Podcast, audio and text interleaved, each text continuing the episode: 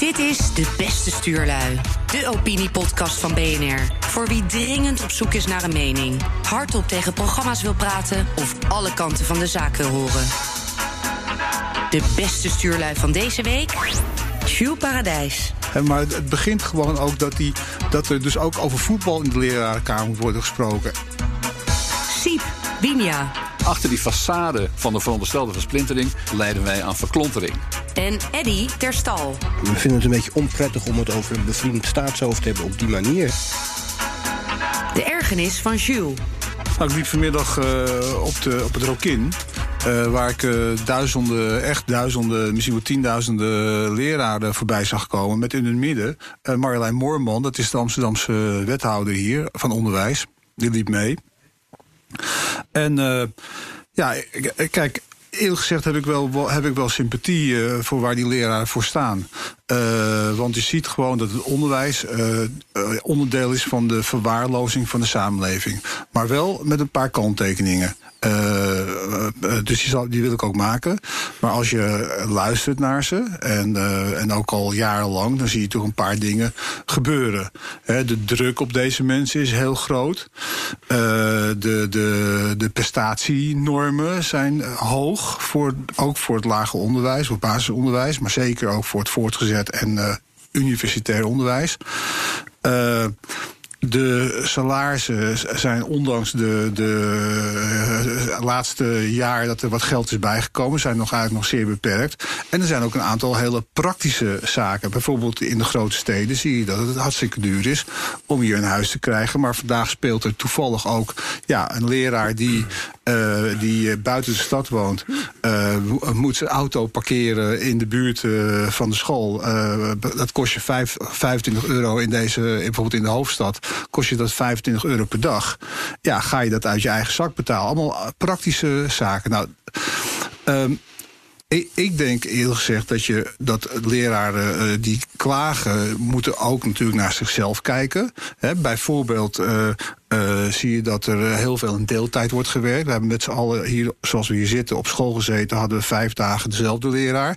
Nou, dat is, heden te dagen is dat al lang niet meer... Dat zijn nu leraressen, hè? het, het is gefeminiseerd, dat is natuurlijk ook nog een tweede ding. Dus ze, werken soms, eh, of in heel veel gevallen, eh, maar hooguit drie, vier dagen in de week. Hè. Dus het lerarentekort, even snel gedacht, eh, zou je heel simpel kunnen oplossen door deze mensen vijf dagen te laten werken. Dat moet dan wel fiscaal aantrekkelijk zijn, dat is het niet. Nee, maar, maar, dat is, maar goed, dat moet dan geregeld worden. En de tweede is, ja, wat je nu ziet, dat een, iemand, een, een, leerling in de, een leerling in de klas, ja, die heeft dan te maken met eh, allerlei wisselende, dat is een soort eh, toneel, eh, toneelstuk.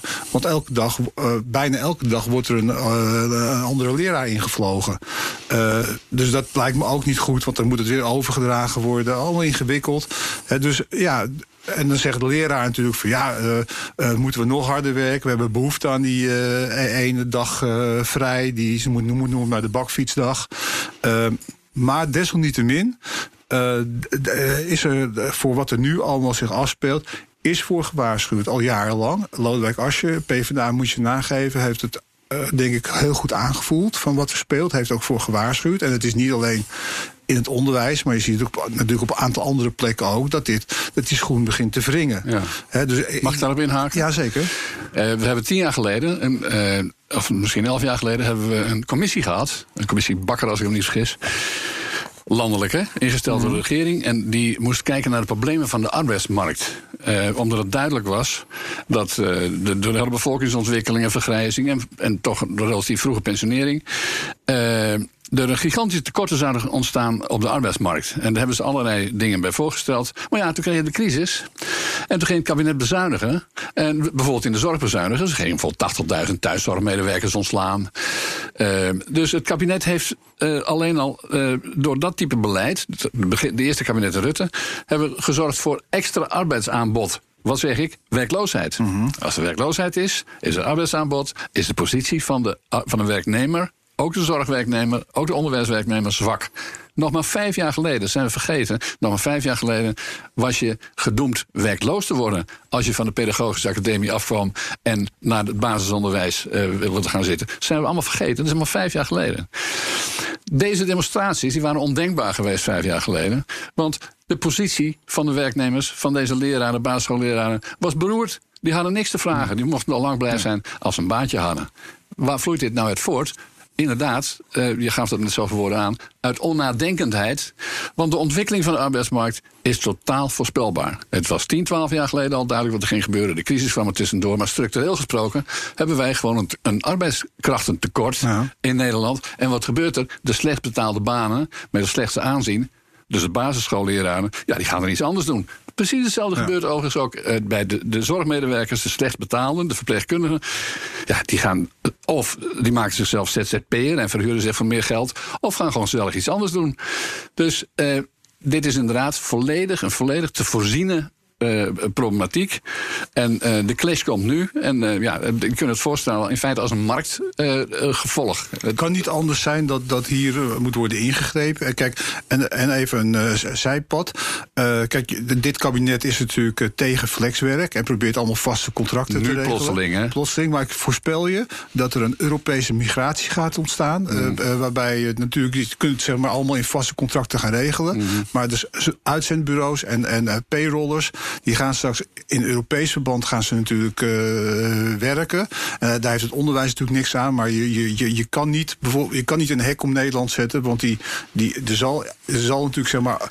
Uh, nu zie je al dat Polen natuurlijk, zeg maar, werken, werken hier. En de Oost-Europa. ja, maar wij zijn het meest flexe land van Europa. Onderschat dat niet, hè?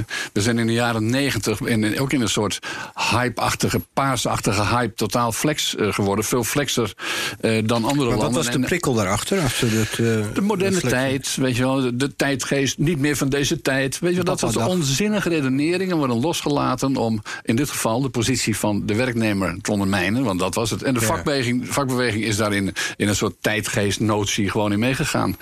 Maar ik zou je vertellen, dat plan wat nu net gekomen is, hè, dat, dat, van die regeringscommissie, zeg maar, die, die dan bijvoorbeeld pleit omdat we weer veel meer vast moeten hebben in Boslap. Boslap.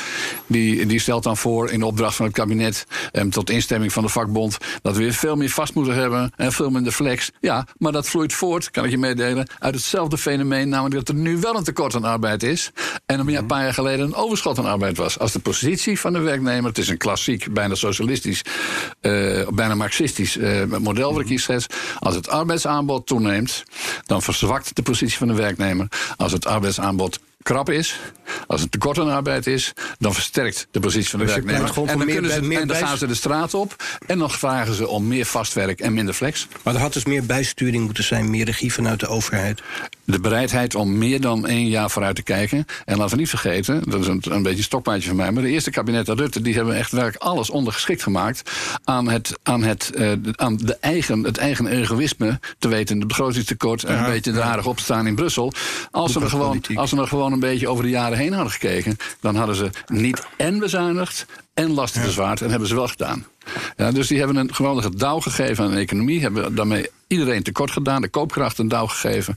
Maar ja, op een gegeven moment komen we die put ook weer uit en dan gaat de werkelijkheid zich ontpoppen zoals nu het geval is. Nou ja, waar we vorige keer over hadden, ook over de, de publieke diensten die, die dan in, in, in, het, in het slop raken, terwijl er eigenlijk wel geld is. Ik denk dat we het nu misschien minder moeten kijken over hoe het zo gekomen is. Maar het moet nu wel op de een of andere manier gerepareerd worden.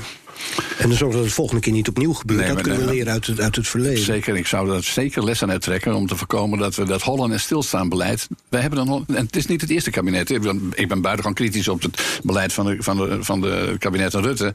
Maar in zekere zin gebeurde dat onder de kabinetten Balkenende ook. Hè? Ja, goed, boek, boekjaarpolitiek is natuurlijk. Maar je moet je gewoon afvragen of, of, of het onderwijs één niet verbeterd kan worden door bijvoorbeeld de mensen gewoon vijf dagen in de week in te zetten. Bijvoorbeeld op basisonderwijs vind ik, dat vind ik echt heel belangrijk. Dat ja, maar laten we niet vergeten, 90% zijn vrouwen. We gaan niet de, de Nederlandse samenleving plotseling via het onderwijs uh, van de ene dag naar de andere veranderen. We, hebben, we waren ooit het meest achterlijke land, en misschien nog wel een beetje, als het gaat over de werkende vrouw. Hè, dus 50 jaar geleden werkte er bijna geen vrouw, en zeker niet gehuwd en zeker niet als moeder.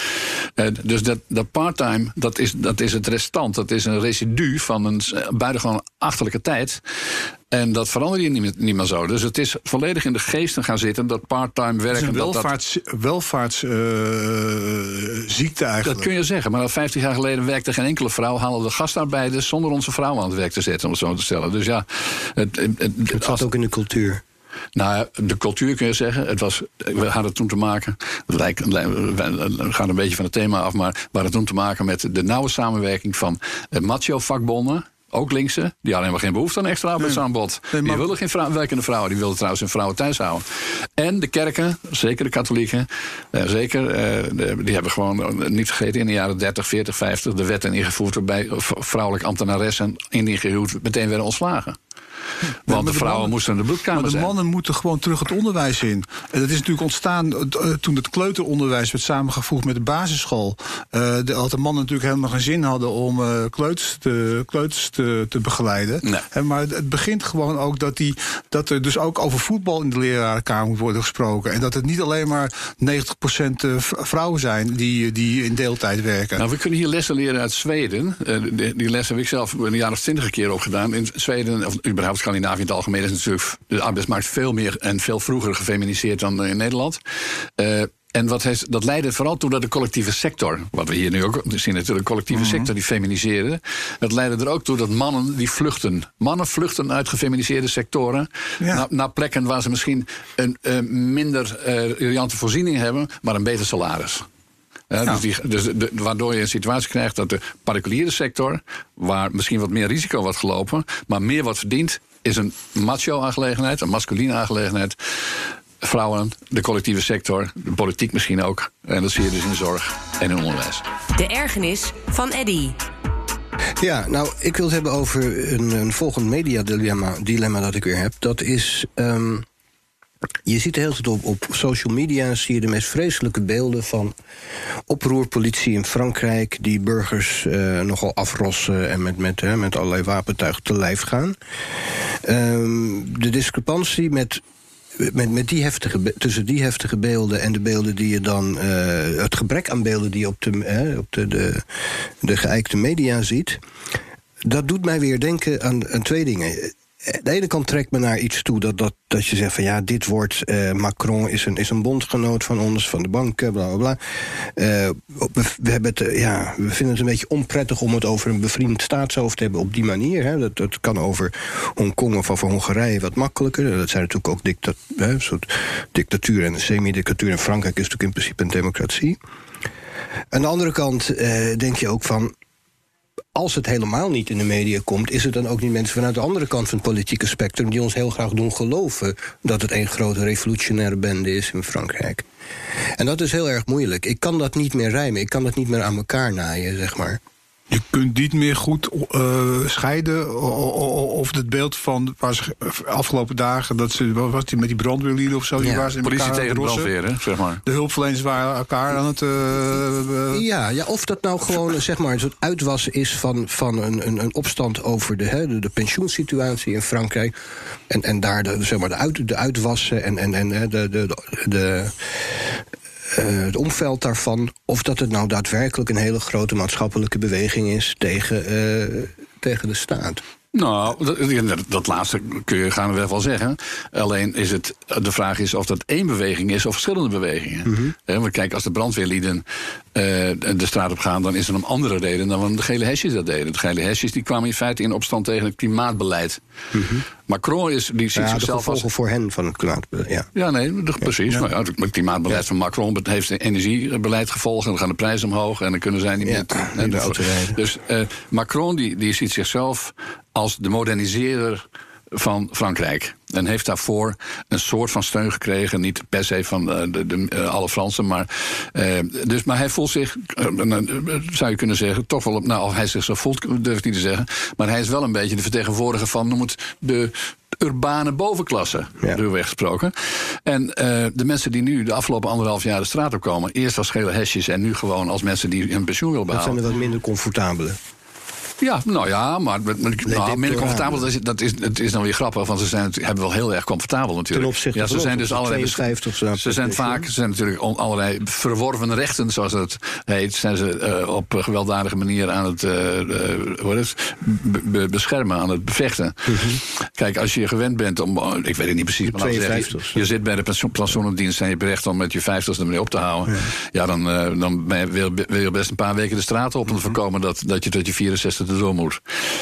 Frankrijk heeft natuurlijk een langere traditie op dat punt. Ook omdat de, de middenveld, zeg maar, dus de, de Hollandse poldervakbonden hebben ze niet op die manier. Dus je, je zit niet eindeloos te delibereren aan de tafel. Nee, je gaat er de zit straat geen op. buffer tussen, je gaat de Je straat, gaat de straat Ja. op. Hè? Dus in die zin is het niet nieuw. Maar je kunt het wel, als er nou één noemer te trekken is, denk ik, dan is het wel dat wat Macron ziet als modernisering, dat ziet de rest van het land, een belangrijk deel van het land, als achteruitgang. Maar, Ja. maar het is natuurlijk symptomatisch voor, voor als je kijkt wat natuurlijk in de rest van Europa doet. Ik weet, hebben waarschijnlijk gisteren ook natuurlijk die beelden van die toespraak van Farage eh, gezien.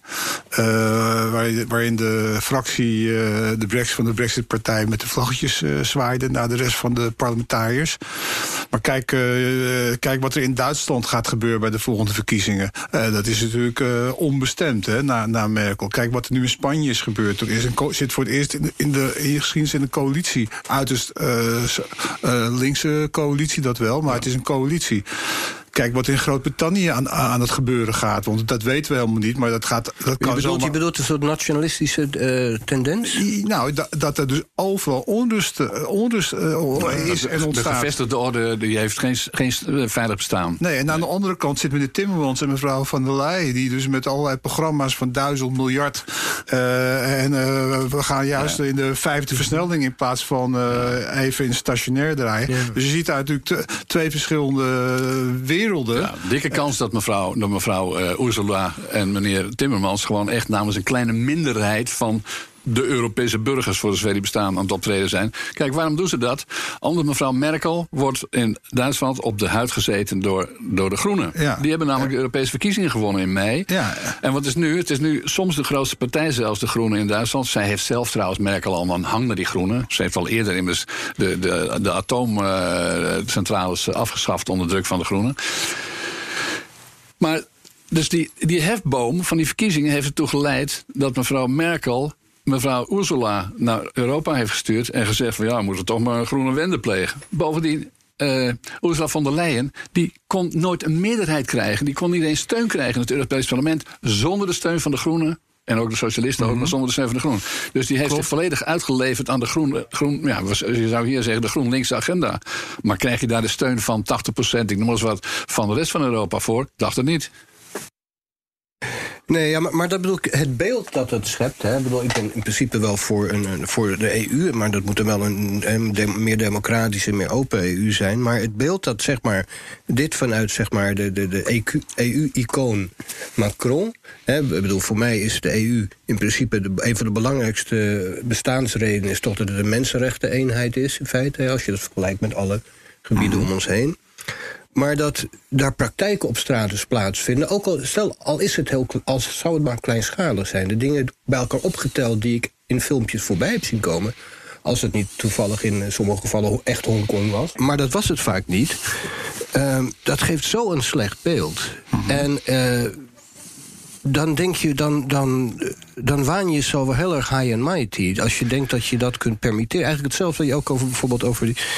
ehm, over, over Farage, met die vlaggetjes, dat die, die EU-dame dan zegt van doe die vlaggetjes weg.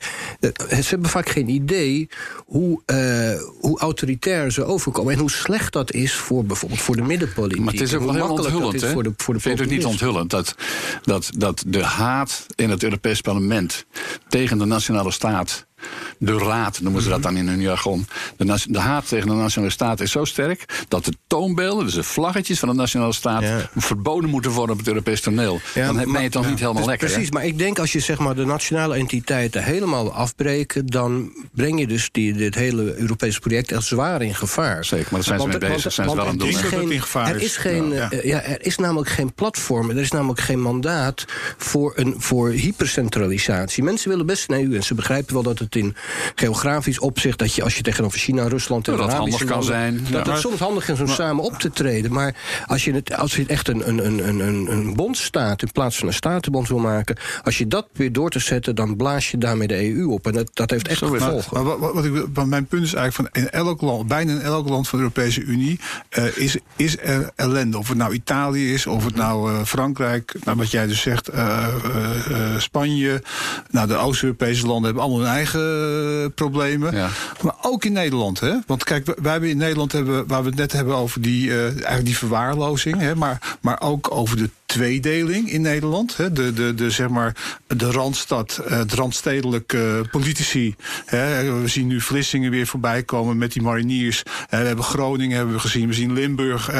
ook in Nederland zijn die politici. Een stuk of acht kloven, waaronder hoog en laag opgeleide regio, stad enzovoort. Dus in Nederland zijn we ook, is Rutte en al die lui die zeg maar over de hoofden heen van de regio, die zijn met hetzelfde bezig. Alleen wij zijn nog, bedoel, Nederlanders zijn nog uh, uitermate rustig. Want je hebt met de Groningen gezien dat je zomaar het kruidvat aan kunt steken. en met de Zeeuwen. Eind vorig, jaar, eind vorig jaar, de, het Malieveld en, en, in de ruimste zin, dat, is, dat kun je best beschouwen als een opstand tegen de Randstad, kabinet en Rutte. Ja, maar bijvoorbeeld de Zeeuwen nu op dit moment, hè, met, die, met die mariniers. Hè. Wat daar gebeurt, hè, dat is toch een grof schandaal. Natuurlijk had dat besluit nooit genomen moeten worden. Hè, maar dat was een onder, onder ons tussen balken en de...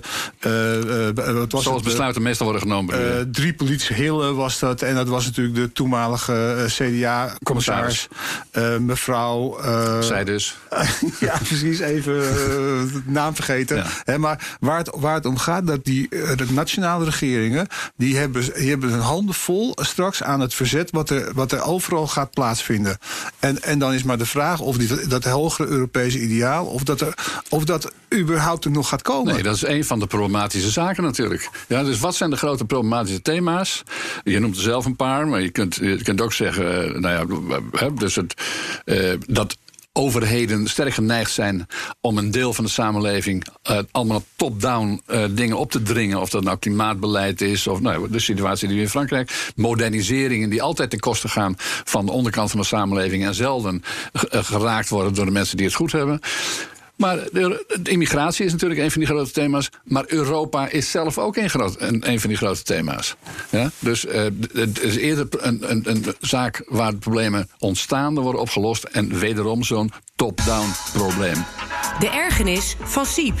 Je hoort het uh, uh, voortdurend, dat staat al een paar jaar, ook onder, op straat en onder gewone mensen, zal ik maar zeggen, wordt als probleem van Nederland gezien dat Nederland versplintert. Hè? Dus dat, uh, dat het veel te veel politieke partijen zijn en dat moet maar beter samengevoegd. En twee partijen is beter, hoe dat dan moet, weet het ook niet.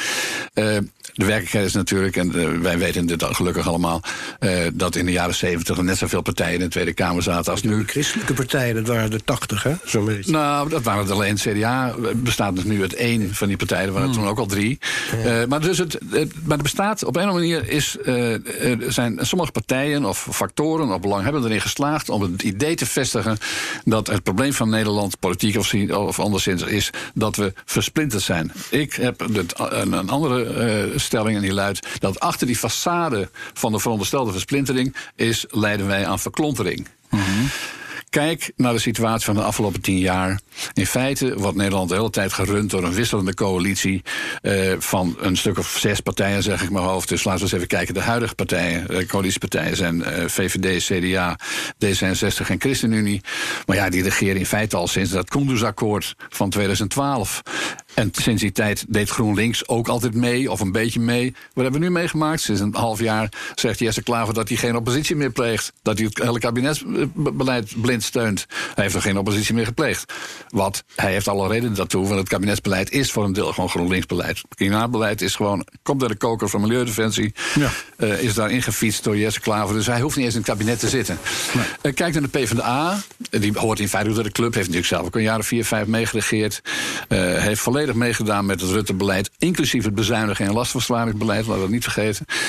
We hebben dus, de vraag is of wij in Nederland nog wel, dat, en zo kom ik er ook een beetje op. Ik merk dat aan mensen dat ze zeggen, ja, komen straks verkiezingen, waar moet ik in godsnaam, godsnaam nog op stemmen, want het is toch allemaal hetzelfde. En, en verandert er dan ook iets? Nee, er verandert niks. Dus zelfs als er iemand anders zou zijn dan Rutte, ja. na die verkiezingen, er bestaat een, een vrij mis, een, zeker een misnoegen, een zeker een gebrek aan vertrouwen over eh, de, wat, wat verkiezingen, wat democratie nog mag, vermag. Want, zoals ik het noem, de verklompering uh, regeert toch het land. Maar, maar, laten we eerlijk zijn, als je kijkt naar uh, zeg die politieke partijen. Uh, deze week zijn er ook cijfers gekomen als het gaat om ledenaantallen. Hè? Ja. Maar die zijn gewoon failliet. Dat is gewoon, daar is gewoon eigenlijk. Uh, je wordt nog eerder lid van de Duivenclub. Of van de, van de speeltuinvereniging. Uh, of weet ik veel wat. Of de postzegelclub.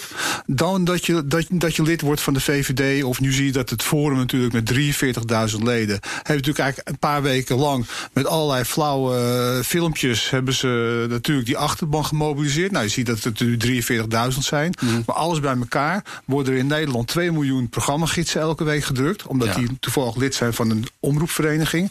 En als je al die politieke partijen bij elkaar optelt, kom je waarschijnlijk niet eens aan een half miljoen. Nee, maar, nou, waar, daar, daar is zou je ook, hè? Kijk, daar wat, is, wat ik niet genoemd heb nog, maar wat, wat vrij essentieel hierbij is, is dat al die partijen die laten zich aanleunen dat ze van het midden zijn. Dus dan zie je het ook dat al die jongens die commentaar geven vanuit Den Haag of anderszins. Sluipende wijze is iedereen die meeregeert, een beetje meeregeert, soms meeregeert, of dan even weer niet, is van het midden geraakt. Zelfs GroenLinks is van het midden geraakt. Twintig jaar geleden werd GroenLinks nog door uh, Wim Kok, de toenmalige premier, tot extreem links genoemd. Omdat uh, GroenLinks, mind you, toen te weinig Europees was. Ja. Ja, maar al die partijen, we zijn, al die partijen zijn kennelijk uh, op een paar na dus, zijn van het midden geworden. Links en rechts bestaat niet meer. De VVD en de PvdA, die waren in de jaren, in de jaren 90 hebben ze natuurlijk een tegenstelling al opgeheven in paars. Maar als alle partijen van het midden zijn, ja, eh, waar zou je dan op stemmen? Wat voor, nou ja, wat voor is er nog Maar daar kun je twee dingen over zeggen. Het is nog altijd zo dat de overgrote meerderheid van Nederland... en dat is waarschijnlijk ook een, een positief welzijns... Uh, uh, teken, is dat die toch nog op die wat jij de middenpartij noemt stemt. Hè? Ik bedoel, er zijn de meeste partijen waarop gestemd wordt, zijn toch in ieder geval uh, in, in, meer of mindere mate pro-EU en noemen zichzelf midden. Um... Nou, ze vinden allemaal hetzelfde. Ja, en vinden ook allemaal. Nou, ja, dus maar aan de, andere kant, aan de andere kant is het ook zo dat het ook goed is. Dus dat gezegd hebben, dat, dat die cluster van partijen blijkbaar datgene is wat de mensen willen. Die dat, dat, anders zouden ze niet op stemmen. En, en nog altijd de, de partijen ter linker en rechterzijde die wat meer populistische kaart hebben, die, die bij elkaar opgeteld houden, die vaak toch nog geen een derde van de kiezer met links erbij. Nee, maar je, je bent een situatie aan het beschrijven na de, na de verkiezingen van 2017, de mhm. Kamerverkiezingen van toen.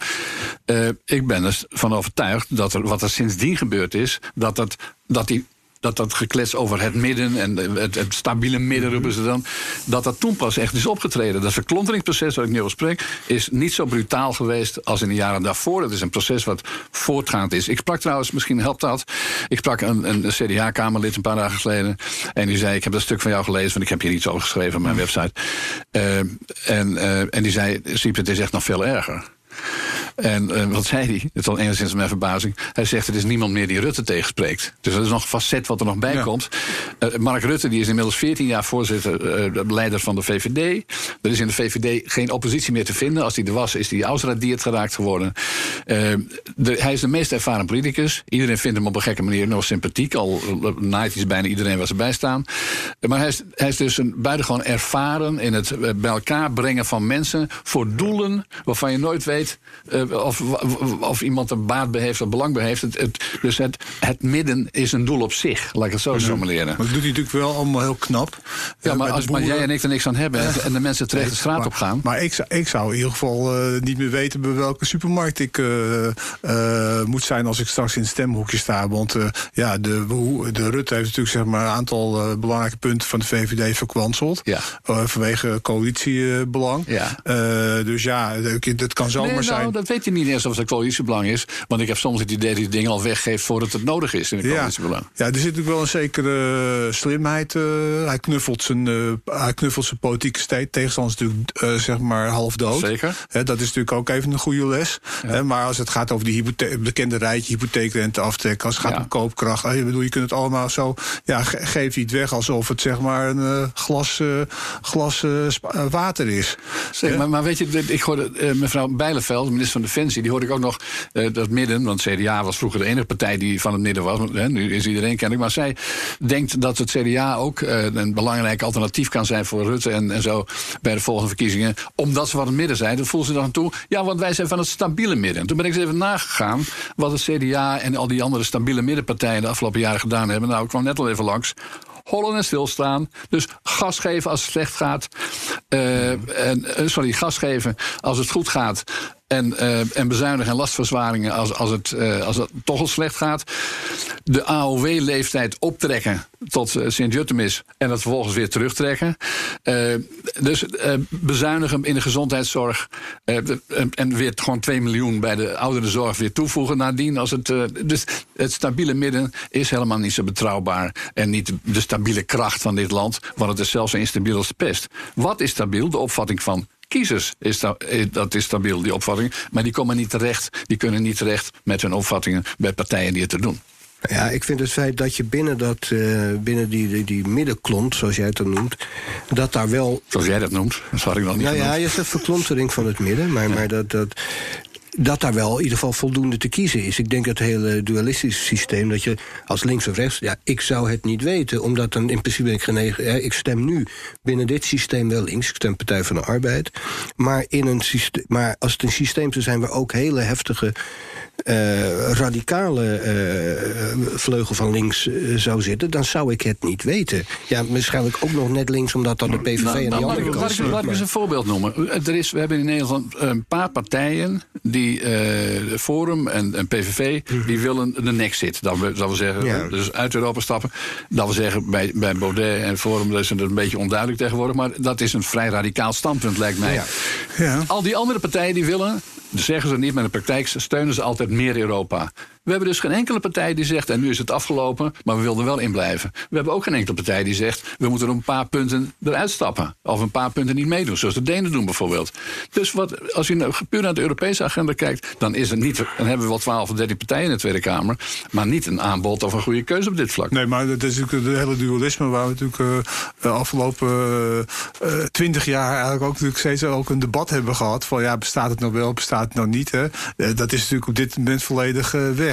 Ja. Met al dat uh, gesjoemel, uh, al die sjoemelcoalities uh, met, met GroenLinks. En iedereen mag een beetje meedoen als er maar stemmen vergaard worden. Zeker, maar daarmee, maar, maar je kunt je afvragen of de volksvertegenwoordiging daarmee nog wel werkt. Zoals je, als zelfs GroenLinks, de grootste, een van de grootste oppositiepartijen, zegt van we, we plegen geen oppositie. Nou, als je wiegel, als je de, de, de, de, de, zeg maar die, de mensen die vroeger natuurlijk van een enorme hoge kwaliteit, vind ik hoor. Ja. Die is Rutte bereikt dat op dit moment, door wat hij allemaal doet ook. Hè, want ik vind als koorddanser toch van een andere klasse dan eh, de meeste, meeste Zeker. Eh, concurrenten. Of het land ermee gediend is, is een tweede. Nee, maar bedoel, hij heeft wel iets, toch iets Luberiaans uh, bereikt. Door ja, al dat, maar, al dat, uh, maar is het, is het nu niet zo dat uh, dit gezegd hebben en dat geconstateerd hebben? Is het niet ook zo gewoon dat het in Nederland in verhouding tot de landen om ons heen kwam minder onrust? Het is toch een redelijk stabiel land.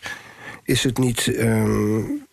Ja, nou, het niet de stabiliteit van de kerkhof, hè? Nee, de stabiliteit van de kerkhof. Ik denk dat die Zeeuwen, die uh, kunnen gewoon, uh, die, gaan, ja. die sluiten zich aan bij België. Groningen, uh, Groningen, moet je even met de Groningers praten. Ja. Die voelen zich echt geschoffeerd. Er is in hele lange tijd niet zoveel zichtbare en onzichtbare polarisatie geweest in Nederland. En, en trouwens, wat ik met een ruime zin weer het Malieveld zal noemen van afgelopen najaar, is daar het, het tastbare bewijs maar van. Maar toch stemt drie, twee derde op die cluster aan partijen. Er zijn, geen, er zijn geen verkiezingen geweest het laatste half jaar. En wat we wel weten, is dat de laatste verkiezingen die een beetje toe deden, waren de statenverkiezingen van een klein jaar geleden. En dan werd Forum van Democratie de grootste partij. Ja. Ja, dus die stabiliteit van dat midden die staat niet vast. Het midden moet nee, maar als je, als je zegt dat, dat, die, dat die cluster bijna één soort partij is, dan is die cluster tot de grootste partij en niet Forum. Nou ja, maar. Uh, uh, Nee, ja, als ze als, als zodanig uh, aan de verkiezingen mee zouden doen. Ik, ik signaleer een sociologisch, politicologisch fenomeen. wat mij grote zorgen baart. Ja. Namelijk dat de partijen waar wij het land in feite aan hebben uitbesteed. dat die er een zootje van maken. en dat die geen antennes hebben in de samenleving. Dus uh, het komt erop neer dat. Kijk, uh, ik kan niet zoveel bewijzen. maar ik loop al een tijdje rond. en ik heb redelijk antennes op in allerlei shifts van de samenleving. En de, de, de ongenoegen is aanzienlijk, kan ik je meedelen. En trouwens, voor een deel kunnen we het allemaal waarnemen. Dat hebben we net besproken. Uh, maar er bestaat dus ook ongenoegen. Dat wil zeggen, een combinatie van schouderophalen en misnoegen over uh, wat dan de Tweede Kamer doet. Of er nog wat te kiezen valt. Of verkiezingen er te doen. En dat wordt natuurlijk extra interessant, omdat we over een tijdje verkiezingen hebben. Dus de hele Haagse business die staat dan in de, in de, in de campagnestand. En als ondertussen het volk denkt, zoals ik dat denk waar te nemen, ze kunnen me wat. Wat moet ik met die uh, Gladianers en met hun nu plotsing over beginnen zo immigratie. En de hele tijd hebben we alleen maar over klimaat gehoord, terwijl ik daar niet op zat te wachten. Nou, dat is ongeveer de situatie uh, die we kunnen verwachten. Dus de, uh, ik doe een voorlopige voorzichtige voorspelling. We zouden wel eens verkiezingsuitslagen kunnen krijgen van de situatie van 2002. Ja, hadden we ook de totale verklontering. Links en rechts was één grote paarse bult geworden. En er kwam Pim langs en die gaf er een schop tegenaan. En dat, nou, dat heeft nog jarenlang doorgewerkt. Dit was weer een aflevering van De Beste Stuurlui. Een opiniepodcast van BNR. Alle afleveringen zijn terug te luisteren op bnr.nl/slash podcasts, iTunes en Spotify. En hou je roer recht.